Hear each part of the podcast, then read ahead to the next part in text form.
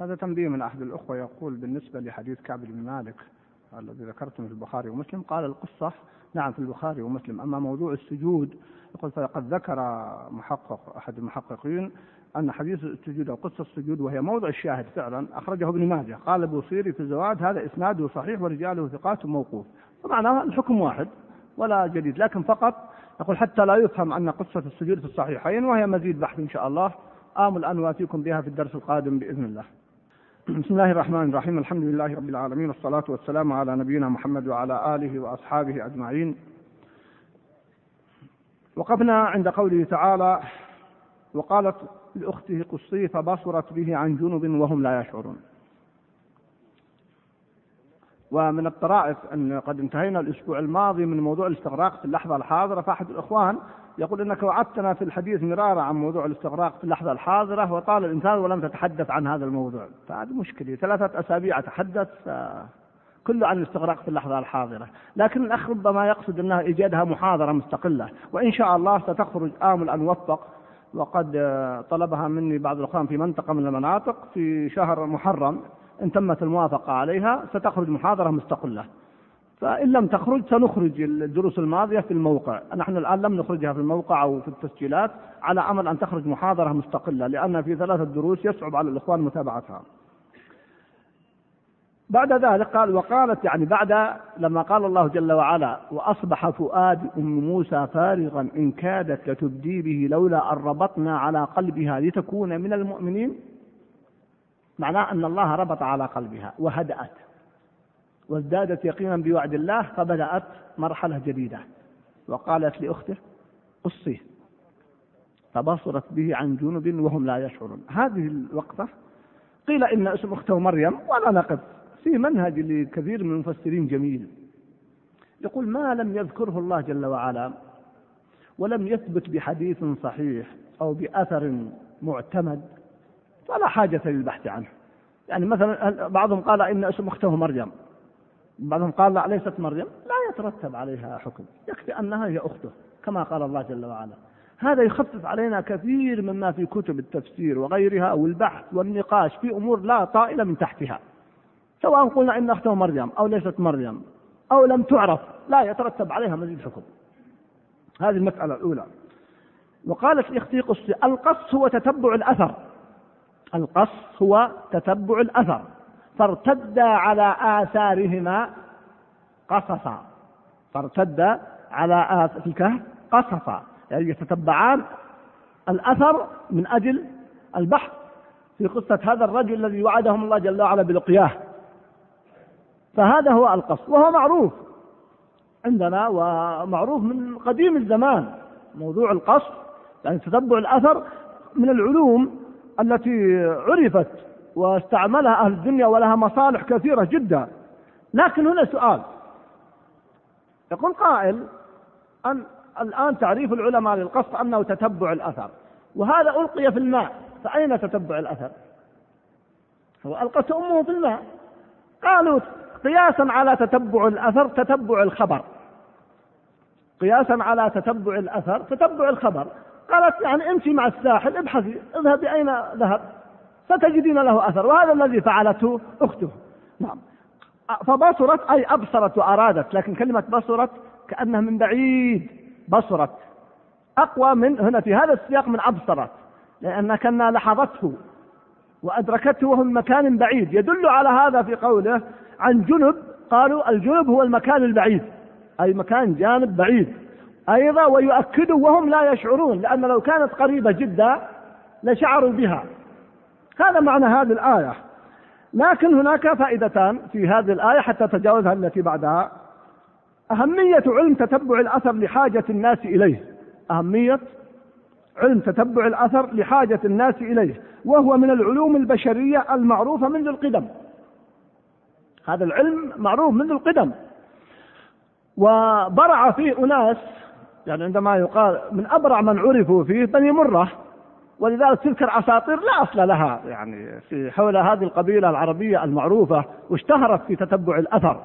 أساطير تقال غير صحيحة وينكرونها ولا أصل لها. لكن الثابت عنهم فعلا الدقة وهم المهارة في معرفة الأثر. وهناك أناس في موضوع الأثر تسمع منهم العجب. يعني تسمع منهم العجب في هذه القضية ولا أريد أن آخذ وقتكم ووقتنا في هذا الجانب لكن سبحان الله هذا العلم وكيف أن الإنسان منهم أحيانا يرى الأثر ويعرف أحيانا صاحبه أو يعرف إذا كانت امرأة. يعني هل هي حامل أو هي بل بكر أو غير بكر؟ قصص كثيرة. بل حدثني أحد الأشخاص من البادية يقول الله أنني أعرف مواطئ الجمال وأعرف نوعها من خلال موطئ وهو رجل صالح أعرفه. من خلال هذه يركز على يعطي الله سبحانه وتعالى فهم وفراسة ولحظ وقوة لحظ ويدرك هذا الأمر. الشاهد أن علم الأثر علم تحتاج إليه البشرية وهو قديم ولذلك العناية به في حدود الحاجة حتى لا نبالغ في هذا الأمر. وهو يعتمد على الفراسة وعلى قوة اللحظ وأسباب يجعلها جل وعلا للإنسان. وهم لا يشعرون. يؤخذ منه جواز المراقبة للمصلحة. يعني المراقبة لمصلحة لأن هذا الطفل وهو موسى عليه السلام خوفا من أن يهلك أو يأخذ آل فرعون فأرسلت أمه من ترقب أين يذهب؟ قالوا فجوازه ومثال ذلك أقرب مثال على هذا حتى لا يفهم كلامي على غير موضع مثل ما تفعل الهيئات. فنقول للهيئات في تتبعهم ومحاولة معرفة من يريد أن يفسد والمراقبة التي يقومون بها ليست من التجسس هذا ليس من التجسس. هذا من هذه الاستدلال بهذه الآية وغيرها فهو فعملهم مشروع. أما التجسس فلا يجوز. التجسس لا يجوز لأن الله جل وعلا يقول ولا تجسسوا. الآية صريحة في هذا الأمر والأحاديث كذلك صريحة. فلا يدخل الجنة قتات كما في الحديث الصحيح وهو في مسلم وغيره. والقتات هو الذي ينقل أخبار الناس على وجه الإفساد. القتات هو الذي ينقل أخبار الناس على وجه الإفساد. أما إذا كان نقل أخبار الناس على وجه الإصلاح كما قلت لكم في موضوع هذا الجانب فلا حرج فيه. أما إذا كان على وجه الإفساد فلا يجوز. فالآية تقول ولا تجسسوا والحديث الصحيح لا يدخل الجنة قتات والله أعلم. هذا ما يتعلق في هذه الآية وننتقل للآية التي بعدها. وحرمنا عليه المراضع من قبل. فقالت أخته فقالت هل أدلكم على أهل بيت يكفلونه لكم وهم له ناصحون؟ فهذه الآية حرمنا عليه قال التحريم هنا هو المنع. حرمنا عليهم هو طفل ما ليس حكم تكليفي ليس حكم تكليفي. لكنه هو المنع. قال وهو حكم كوني أي أنه لا يرضع إلا أمة. وهذا يلاحظ بعض الرضعاء بعض الأطفال الصغار لا يرضع إلا من أمة. حتى ولو جاء لا يرضع إلا من أمة. ومن الطرائف التي سمعتها أن رجلا أن شابا توفي والده وهو صغير. فبعد سنوات جاء للقاضي وقال أريد مالي. وقد جعل جعل القاضي له وصي عليه وصي. قال له القاضي لم تبلغ أنت إلى الآن. يعني لم تبلغ رشدا حتى أعطيك المال ولا تؤتوا السفهاء أموالكم. فإن آنستم منهم رشدا في الآية الثانية فادفعوا إليهم أموالهم. الأيتام يعني. وإلا قبل ذلك لا يدفع له المال حتى لا يفسده. قال لا قد بلغت وأنا في المهد. قال كيف بلغت وأنت في المهد؟ قال كنت إذا ذهبوا بي لأمي رضعت منها وإذا ذهبوا بي لغير أمي لا أرضع منها. قال أعطوه ماله. فحكم القاضي بإعطاء ماله مع أنه لم يبلغ بعد. طبعا يجوز حكم استثنائي في هذا. صحيح. فبعض الناس قد يوفق ويكون عندهم الحنكة والعلم وهو لم يبلغ وبعضهم يبلغ الستين ولا عقل له. فالمسألة تختلف نعم. سفيه في أمواله ويحجر عليه. نعم يحجر عليه. قد يكون عنده الملايين لكن يشرب ما حرم الله يفسد في المال هذا يحجر عليه شرعا. لأنه فيه سفه. ولو كان قد يكون أبونا له أولاد ولا يعني أنه مجنون. لا السفه في المال يختلف عن غيره. والحجر في السفه في المال يختلف. إذا لا يحسن أن يتصرف في ماله كما ينبغي وهذه حالات كثيرة والله المستعان. نعم. فالمسألة نسبية في هذا الجانب. قال وحرمنا عليه المراضع. قال هو المنع وهو تحريم تكويني. أي قدرنا في نفس الطفل الامتناع عن التخام أثداء المراضع وكراهتها. والحكمة في ذلك من أجل أن يضطر آل فرعون للبحث عن مرضعة ترضعه لأنهم اتخذوا القرار. لا تقتلوه عسى أن ينفعنا أو نتخذه ولدا. خلاص صدر القرار. اتفقوا على أنهم لم يقتلوه على أمل أن يكون ولدا لهم أو أن ينفعهم. أرادوا أن يرضعوه ما قبل. رفض يرضعوه على جاءت عدد من النساء فيرفض. وهذا قدر الله الكوني إذا أراد شيئا تم سبحانه وتعالى. فقالت هل أدلكم؟ لاحظوا هذه المرأة عجيبة. كم فيها من دروس؟ أولا وهم لا يشعرون. مع أنها فتاة. ما ذهبت أول ما شافته صاحت قالت أخوي كان مشكلة. لا بهدوء. وهم لا يشعرون تتبعت الخبر. ثم ذهبت لأمها وأخبرتها. الآن جت مرحلة ثانية. قالت خلي حولهم. فسمعوا أنهم يطلبون مرضعة. ما قالت تعالوا أم أعرف أمه. لا. وقال في الإشكال مرة أخرى. قال سؤال هل أدلكم؟ كأن على سبيل التعريض. ليست مهتمة كثير في الأمر لأن الإنسان أحيانا إذا شعر أنك مهتم في سؤال لماذا هو مهتم في هذه القضية؟ لابد في سبب فجاءت طبيعية وهذا من التلطف وحسن الأسلوب والوصول إلى المراد. وما أحوجنا يا بني اذهبوا فتحسسوا من يوسف وأخيه ولا تيأسوا من روح الله تحسسوا. وما قال تجسسوا قال تحسسوا التحسس هو البحث بلطف وهدوء. حتى لا تثير من حولك. ولذلك الذكي الذي يبحث عن مفقود هو يحتاج إلى هذه الرزانة والهدوء وبعد النظر. فهي قالت هل أدلكم على أهل بيت؟ ذكر أهل بيت.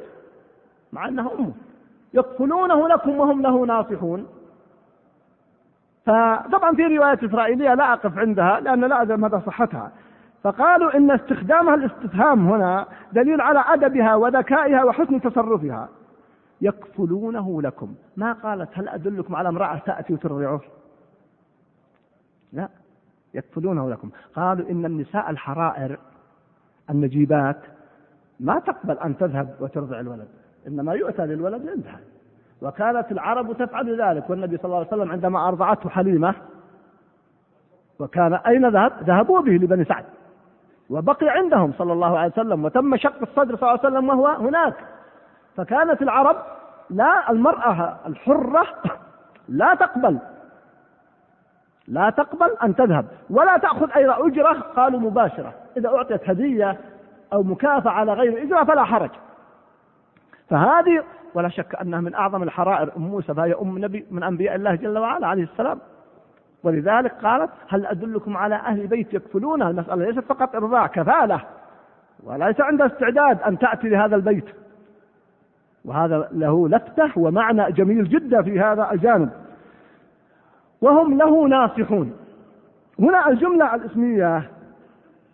قال العلماء ما قالت هل أدلكم على أهل بيت يكفلونه لكم وينصحون له؟ لأنهم سيسألون لماذا ينصحون له؟ قالت وهم له ناصحون. إن جملة اسمية تدل على الاستمرار والثبوت أي أن من سجاياهم الثابتة أنهم ناصحون لكل أحد. فأنا عرفت هذا بسيرتهم.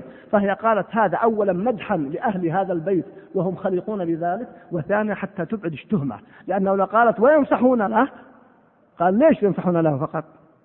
جملة الفعلية معناها أمر يحدث وليس من طبيعتهم. قالت وهم جملة اسمية تدل على الثبوت والاستمرار وهم له ناصحون ومؤكدة أن هذا تأكدت لأنني أعرف ذلك عنهم ومن طباعهم. كل هذا سهل أن تذهب. نعم. من الفوائد قال العلماء إذا كانت أم موسى وهي التي كاد أن يذهب فؤادها خوفا على موسى عليه السلام إن كادت لتبدي به لولا أن ربطنا على قلبها ترفض أن تذهب لبيت السلطان حتى لو كان ابنها. فما بالك بالذين يدلفون على بيوت السلاطين؟ هذه مسألة لا لفتة جميلة. الإنسان يكون عزيز بعيد لا يذهب. والسلف حذروا من ذلك إلا إذا كان لمصلحة المسلمين. إذا كان يريد يقابل السلطان أو ولي أمر لمصلحة من مصالح المسلمين لا من أجل مصلحة خاصة فيها الذل أو الضعف أو العطية فلا حرج عليه. لأن لا تمشي أمور المسلمين ولا تقوم أمور المسلمين إلا باللقاء. بين أمور المسلمين بين عامة الناس وولاة أمورهم والسلاطين أما من أجل المصالح الخاصة قالوا هذه أم موسى وهي تلك المرأة التي وصل بلغها الأمر مبلغه. ما قالت لا أنا آتي أرضع كل يوم صباح مساء. لا لا حتى هذا ما عنده استعداد. نعم. وتحقق لها هذا لأنها صاحبة مبدأ. صاحبة مبدأ لا تتنازل عن مبدئها ما عندها استعداد. فيؤتى بابنها لها وتعطى على ذلك أيضا قالوا مكافأة أو أجرة. وهذا فضل الله جل وعلا ترضع ابنها ويأتيها الخير ولا حرج في ذلك. قال العلماء لا شك بالنسبة لفرعون لأنه كافر. قال الزمخشري لأنه مال حربي فهو جائز. نعم. وقيل حتى لو لم يكن مال حربي مال مسلم فهو من بيت مال المسلمين فلا حرج. فلا حرج. لكن انظروا ترضع ابنها ويأتيها الرزق. لأنها كانت امرأة صادقة صابرة محتسبة ثابتة لم تتنازل لحظة أو تنازل دقيق حتى من أجل ابنها لأنها التزمت بمبدئها. فأتى الله لها بابنها وأكرمها بهذا العز ومع ذلك يأتيها مال وإكرام على ما فعلت. هذه أيضا من أعظم الفوائد فيما يتعلق بهذه الآية. أقول تأملوا هذه القصة أيها الأحبة. قصة عجيبة. والله لو خصصنا لها دروس الوقت يضايقني وهو آخر درس ولا أريد أن أشق عليكم. سبحان الله. فرعون منذ عشرات السنين يقتل بني إسرائيل. كل مولود يقتله. ليش؟ لأنه إما قالوا رؤيا أو كهانة واختطفوها أن سيولد من بني إسرائيل من يذهب ملكه. فبدأ يقتل كل مولود من بني إسرائيل. قالوا له قومه وملأه. هلك بنو إسرائيل. طبعا لماذا قالوا هذا؟ خوفا على بني إسرائيل؟ قالوا لا إذا فعلت هذا ما يبقى من يخدمنا. سينقطع نسل بني إسرائيل وكانوا يستخدمونهم كما تعلمون. فمعناه سينقطع الخدم على أجيالنا وعلى أبنائنا. ما الحل؟ قالوا تقتل سنة وتترك سنة حتى يبقى من يبقى في المستقبل من أجل أن يخدمهم ولا ليس رأفة من بني إسرائيل ولا حبا لبني إسرائيل. فاتخذ هذا القرار. هذه مرحلة ثانية. من حكمة الله يولد هارون في السنة التي لا يقتل فيها أحد. ويولد موسى الذي فعلا ذهاب فرعون على بسببه وعلى يده في السنة التي فيها القتل. وما الذي يحدث؟ فرعون هذا الذي يعلن سنوات القتل وقتل الآلاف ومستمر بالتقتيل والاستحياء والتعذيب. لا ما أخذ موسى وتربى في كهف ولا في جبل. لا إنما في بيت فرعون. وأكثر من ذلك يحجبون عليه ويقول عسى أن ينفعنا ولما جاءت هذه الفتاة وقال هل أدلكم على أهل بيت يكفلونه لكم؟ فرحوا فرح شديد. الله أكبر. الله أكبر. يا إخوان آيات عجيبة. يفرح فرعون وتفرح امرأته عليه السلام. لأنها مؤمنة. تفرح يفرحون أنهم وجدوا بس حتى لا يموت هذا الطفل. يعني صاروا أشد الناس فرحا بعد أمة بحياته لماذا؟ حتى يأتي قدر الله حتى يتم أمر الله جل وعلا. فما أحوجنا إلى هذا الإيمان. يا أخي الكريم إذا ازداد إيمانك بربك وازداد يقينك وحسن ظنك لا تفكر كيف يحدث وكيف يقع قدر الله. قدر الله له جل وعلا. قال أصحاب موسى إنا لمدركون. نعم البحر من أمامهم والعدو من خلفهم. قال موسى كلا إن معي ربي سيهدين. فيأتي أمره سبحانه وتعالى وما أمرنا إلا واحدة كلمح بالبصر أقول هذا أيها الأخوة تأملوا هذه القصة. وهذه القرارات الظالمة الجائرة من فرعون بقتل بني إسرائيل وحتى القرار الثاني بقتل سنة وترك سنة. هل هو أمر سهل؟ يعني يقتل النص تقريبا. ومع ذلك الذي أراد الله أن يوجد وأن يكون ذلك من يتربى في بيت فرعون وتجد حرص فرعون عليه وحدبه عليه وإنفاقه عليه وبشراه به. ألم ربك فينا وليدا؟ قدر الله أن تربي في بيتك. ليس وجودا فيك ولا طيبا فيك يا فرعون. لكنه قدر الله لتعلم أنك مهما فعلت يولد من سيقضى أو على ملكك على يديك في داخل بيتك. إذا استطعنا أن نفهم هذه الحقائق الإيمانية زال من نفوسنا كثير من الأمور التي نراها في واقعنا الآن. إما قوة اليهود أو قوة النصارى أو قوة الأمريكان لا والله يا أخوان. انظروا إلى قوة الله جل وعلا. ما أقول أننا نغفل هذا في الاستعداد وفي المواجهة هذا مراعى شرعا. لكن إياك أن تسيء الظن بربك. الذين قال لهم الناس إن الناس قد جمعوا لكم فاخشوهم فزادهم إيمانا وقالوا حسبنا الله ونعم الوكيل فانقلبوا بنعمة من الله فضل. لم يمسسهم سوء أبدا والله. فانظروا قصة موسى فيها هذا العجب. نحتاج إليها في يومنا الآن. كيف والأمة ترى فيها من فإذا فرعون يربي من يكون زوال ملك عليه. أقول هذا لماذا؟ لأنني أرى الآن في الأحداث في العراق وفي فلسطين وفي غيرهما والله قرارات وأمور يتخذها هؤلاء الأعداء هي تأتي عليهم وتنعكس عليهم في النهاية. خذ مثال. أول ما دخلت أمريكا العراق اتخذت قرار بحل الجيش العراقي. قلنا الحمد لله. هذا قرار لمصلحة المسلمين. هم فهموا أنه كيف يبقون جيش كان مع صدام يبقى معهم. من قال أن كل الجيش العراقي مع صدام؟ أبدا مكره مجبر. فلما اتخذوا قرار بالحل وصل سعر الكلام شوف في خمس دولارات. لأن كل واحد معه عنده مستودعات أخذوها لبيوتهم وبدأوا يبيعونها بلاش على المجاهدين وعلى المسلمين وإلى الآن.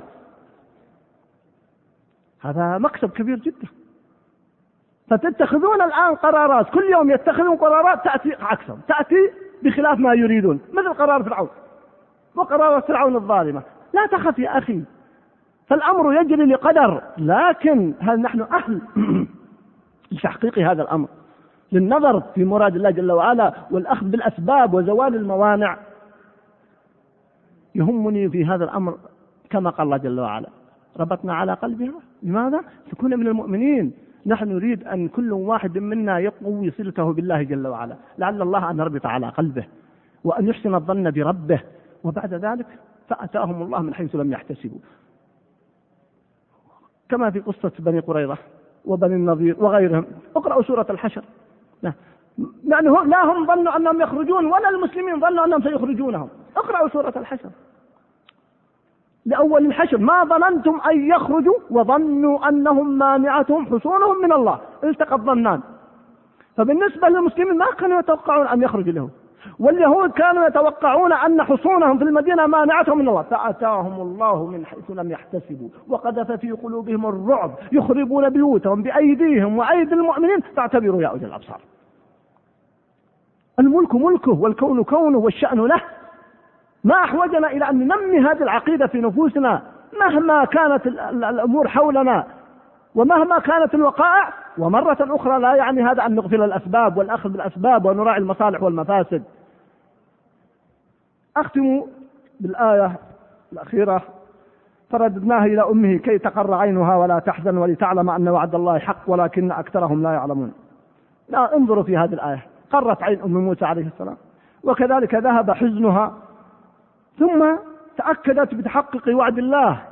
بعودة ابنها وهو مؤكد بكونه رسولا لأنه قال إنا رادوه إليك وجاعلوه من المرسلين بيان جهل الناس واستعجالهم وأن المرء يؤتى من قبل جهله وعلمه إن, إن وعد الله حق ولكن أكثرهم لا يعلمون قال العلماء إما أكثر فرعون أو أكثر الناس وهذا الواقع أكثر الناس لا يعلمون ف فإذا نأخذ هذه الآيات نزلت لمن؟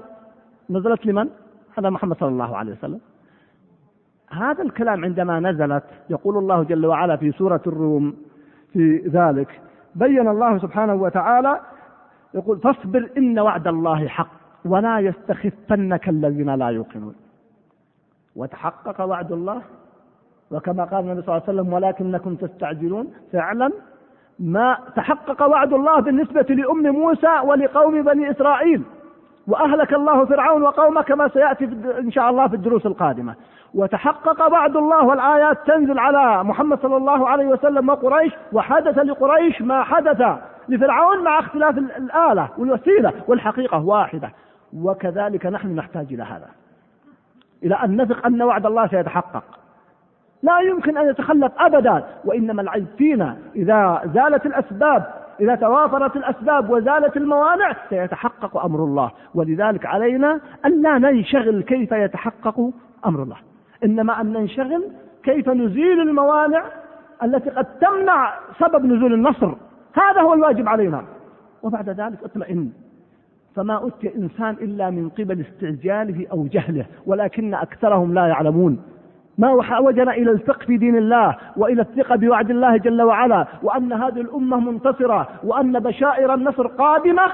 ولكن هل يكون لنا شرف المساهمة في هذا النصر القادم؟ من الاستعجال الذي حدث عند البعض استخدام الجهاد في غير موضعه. وهذه الخطورة التي وقعنا فيها حب كثير من الشباب للجهاد في سبيل الله استعجلوا الأمر قبل أوانه أو, أو وأوقعوه في غير موضعه. هنا الخلل. ولذلك الجهاد له مواضع كما قلت مرارا ولا نستعجل. فوعد الله متحقق وهزيمة اليهود والنصارى وأعداء الله متحققة والذي يجري ابتلاء وامتحان من الله جل وعلا. والمعركة بالنسبة لنا الآن في بلادنا ليست معركة سلاح. الذين يتصورون أن المعركة في بلادنا معركة سلاح مخطئون واجتهادهم إن سميته اجتهادا وليس باجتهاد في غير موضعه بينما المعركة معركة منهج. الآن الصراع شديد مع العلمانيين والمنافقين وأعداء هذا الدين. أقرأ عليكم نص ورقة نشرت في جريدة من الجرائد تألمت لها ضيق الوقت هو الذي منعني من قراءتها وآمل أن تكون موجودة. يعني يبدو أنني ما أتيت بها ولكن حقيقة ورقة محزنة ولكاتب معروف بكتاباته الشاهد هو يعلق على أحد الدكاترة نشر أن البلد يعاني من عنوسة شديدة. يقول إن في عنوسة شديدة في المملكة قرابة أربعة ملايين. أولا هذا الرقم مبالغ فيه. لكن كتب في جريدة الشرق الأوسط يقول أتعلمون ما هي سبب العنوسة؟ قال نعم. قال ماذا يدري الناس عن البنت داخل بيتها؟ محجور عليها مغلق عليها. لو أننا أخذنا بما أخذت هكذا يقول الأمم المتقدمة واختلطت العوائل بعضها مع بعض في المنتزهات وفي الحدائق وتعرف الشباب على الشابات التعرف البريء. لو أن أتيحت الفرصة وأزيلت الحواجز يلتقي الشاب بالشابة التقاء بريئا ويكرر بريء. أي بريء؟ أي بريء؟ أين البراءة؟ حتى أصبح في بلاد الغرب التي هو يقول سبقتنا تعتبر البكارة عيب من العيوب. لأنه لا وجود لها إلا النادر. وهذا من أبناء المسلمين وفي صحيفة محسوبة على المسلمين. الآن المعركة تدور في المناهج في موضوع المرأة في قضايا كثيرة جدا كما تلاحظون. كل يوم يطلع علينا جديد. فالمعركة معركة منهج والصراع يا أيها النبي جاهد الكفار والمنافقين واغلظ عليهم. جهاد الكفار بالسلاح. كما يحدث مع الأمريكان في العراق كما يحدث في فلسطين مع اليهود في الشيشان في أفغانستان في كشمير. أما هنا فجهاد المنافقين باللسان. بمقارعة الحجة بالحجة والقول بالقول وأن يفضح هؤلاء المنافقون على رؤوس المنابر ولا زلت أقول بدون أسمائهم إلا من أعلن اسمه. من أعلن اسمه يستحق ذلك. لكن حتى لا نفتح على أنفسنا باب وحتى لا نحرج أنفسنا أيها الأخوة. يمكن رأيتم قبل يومين في جريدة من يوم الخميس إحدى الصحف كتبت كاركتير استهزاء أن شخص قال فلان علماني فجل ستين جلدة. القصة حقيقية.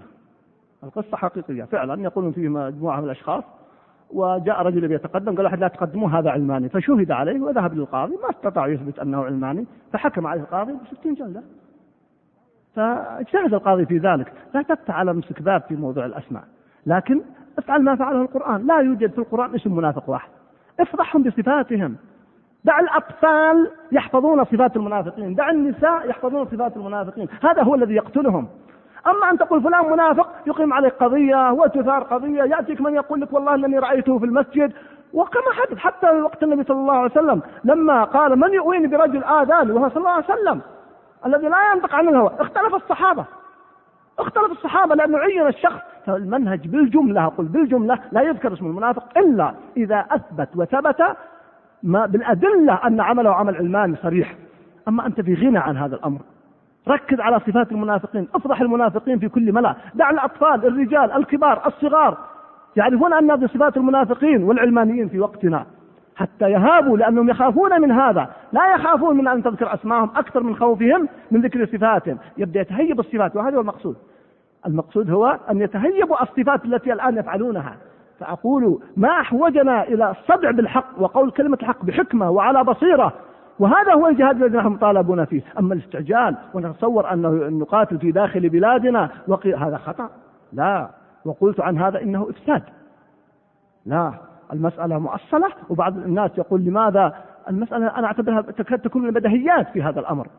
أما مقارعة المنافقين وعندهم برامج في موضوع المرأة موضوع المناهج موضوعات كثيرة أين مسؤوليتنا؟ أين واجبنا؟ أسأل الله أن يبارك في جهودكم وجهود العاملين وجهود العلماء والمصلحين وأن يكفينا شر المنافقين والعلمانيين ومن يريد الإخلال بالأمن في هذا البلاد والإفساد من المنافقين وغيرهم. اللهم انصر الإسلام والمسلمين. اللهم أعز الإسلام والمسلمين وأذل الشرك والمشركين ودمر أعداءك أعداء الدين. وانصر عبادك المجاهدين في كل مكان. اللهم انصر إخواننا المجاهدين في فلسطين وفي العراق وفي الشيشان وفي أفغانستان وفي كشمير وفي الفلبين وفي مشارق الأرض ومغاربها. اللهم فرج عن إخواننا المأسورين في كوبا. اللهم فرج عنهم وأنزل السكينة على قلوبهم وعلى قلوب المأسورين في مشارق الأرض ومغاربها. اللهم أقر أعيننا بالتفريج عنهم وأنزل السكينة عليهم وثبتهم بالقول الثابت. اللهم ردهم إلينا وإلى أهلهم ردا غانما سليما.